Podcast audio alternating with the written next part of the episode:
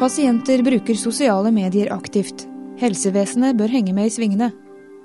Velkommen til tidsskriftets podkast for nummer 6 2011. Sosiale medier og nettsamfunn er webløsninger der du og jeg kan snakke sammen og dele kunnskap og informasjon.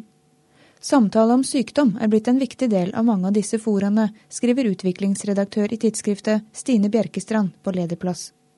Nå er det ikke lenger bare et søk på Google som gir pasienter informasjon. Med sosiale medier så har jo pasienter også mulighet til å utveksle informasjon om sin egen sykdom med hverandre, og diskutere erfaringer med legemidler, behandling, behandlere osv.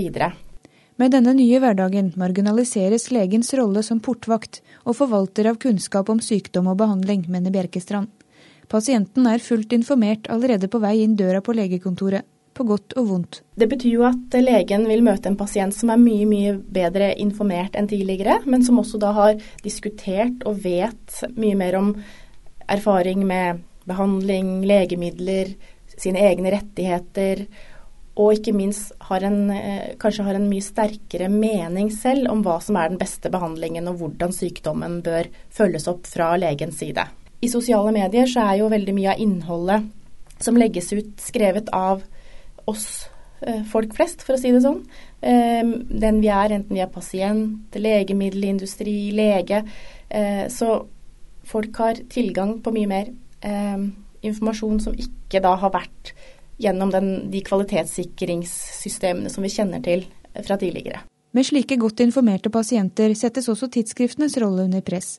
Kanskje blir tilgangen til fagfellevurdert forskning om god behandling og legemidler nedprioritert fra legens side. Det kan jo bety at eh, tidsskriftene også på et vis eh, marginaliseres, fordi legen eh, i mye større grad vil høre pasienten, den informasjonen som pasienten har skaffa seg i sosiale medier, og ikke kanskje ta så stor, stort hensyn til det som er anbefalt behandling, hvis pasientene eh, og pasientene har blitt en veldig sterk pressgruppe i forhold til f.eks. en type behandling. Patientslikeme.com er en av de mest kjente nettsamfunnene som er bygd opp rundt en eller flere spesifikke diagnoser. Her kan pasienter finne andre med samme diagnose og diskutere behandling og symptomer. Patients Like Me oppfordrer legemiddelindustrien til å bruke nettsamfunnet til å skaffe seg kunnskap om markedet og til rekruttering til kliniske studier. En mulighet de gjerne benytter. Altså det er en mulighet for legemiddelindustrien til å komme mye mer i direkte dialog med pasientene. Der har det jo vært en del restriksjoner eh, tidligere. F.eks. på annonsering av preparater mot pasienter, at det ikke har vært lov, i hvert fall sånn som det er her i Norge. Eh, men nå kan de i hvert fall gå i dialog med pasientene om sykdom og behandling i sosiale medier. Også Facebook kan være et nyttig hjelpemiddel, både for pasienter og legemiddelindustri. Facebook i seg selv er jo en, en enorm mulighet, og det fins eh, flere grupper og, og, sider relatert til sykdommer der. Jeg har sett uh, spesielt på en norsk side som heter Spør legen om migrene. Uh, der hvor folk kan spørre om migrenerelaterte spørsmål til en lege som svarer. Så er det jo Norsk migreneforbund som står bak den siden, ifølge siden selv. Selv om du egentlig ikke ser noe særlig til de, fordi det er hun legen som profileres. Ehm, det har jo vært kjent lenge at eh, pasientorganisasjonene mottar mye støtte fra legemiddelindustrien. Og dette er jo en side som er veldig positiv for legemiddelindustrien, fordi det snakkes om en sykdom. Jo mer det snakkes om den, jo større blir egentlig på en måte etterspørselen etter behandling, og også da preparatene som de ulike legemiddelfirmaene markedsfører. Så dette er jo på en måte en sånn vinn-vinn-situasjon for alle som som har noe med migrene å gjøre, for å si det sånn.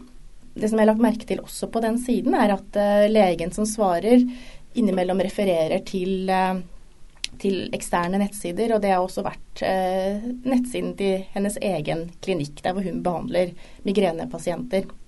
Så dermed så syns jeg at når du leser på en måte tidsskrift eller en avis, så vet du hva som er redaksjonelt innhold og hva som er reklame i de sosiale mediene, så sklir dette her mye mer over i hverandre. Du vet ikke helt hvilken rolle den du kommuniserer med, har. Så hva bør du som lege gjøre? Kanskje er du allerede på Facebook og aktiv i andre nettsamfunn? For helsevesenets del har det sine fordeler å bry seg om sosiale medier, mener Bjerkestrand.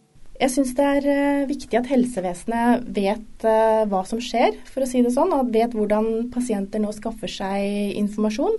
Vet på hvilke premisser dette foregår. Og også kan være med å prege eh, premissene og den informasjonen som er i sosiale medier.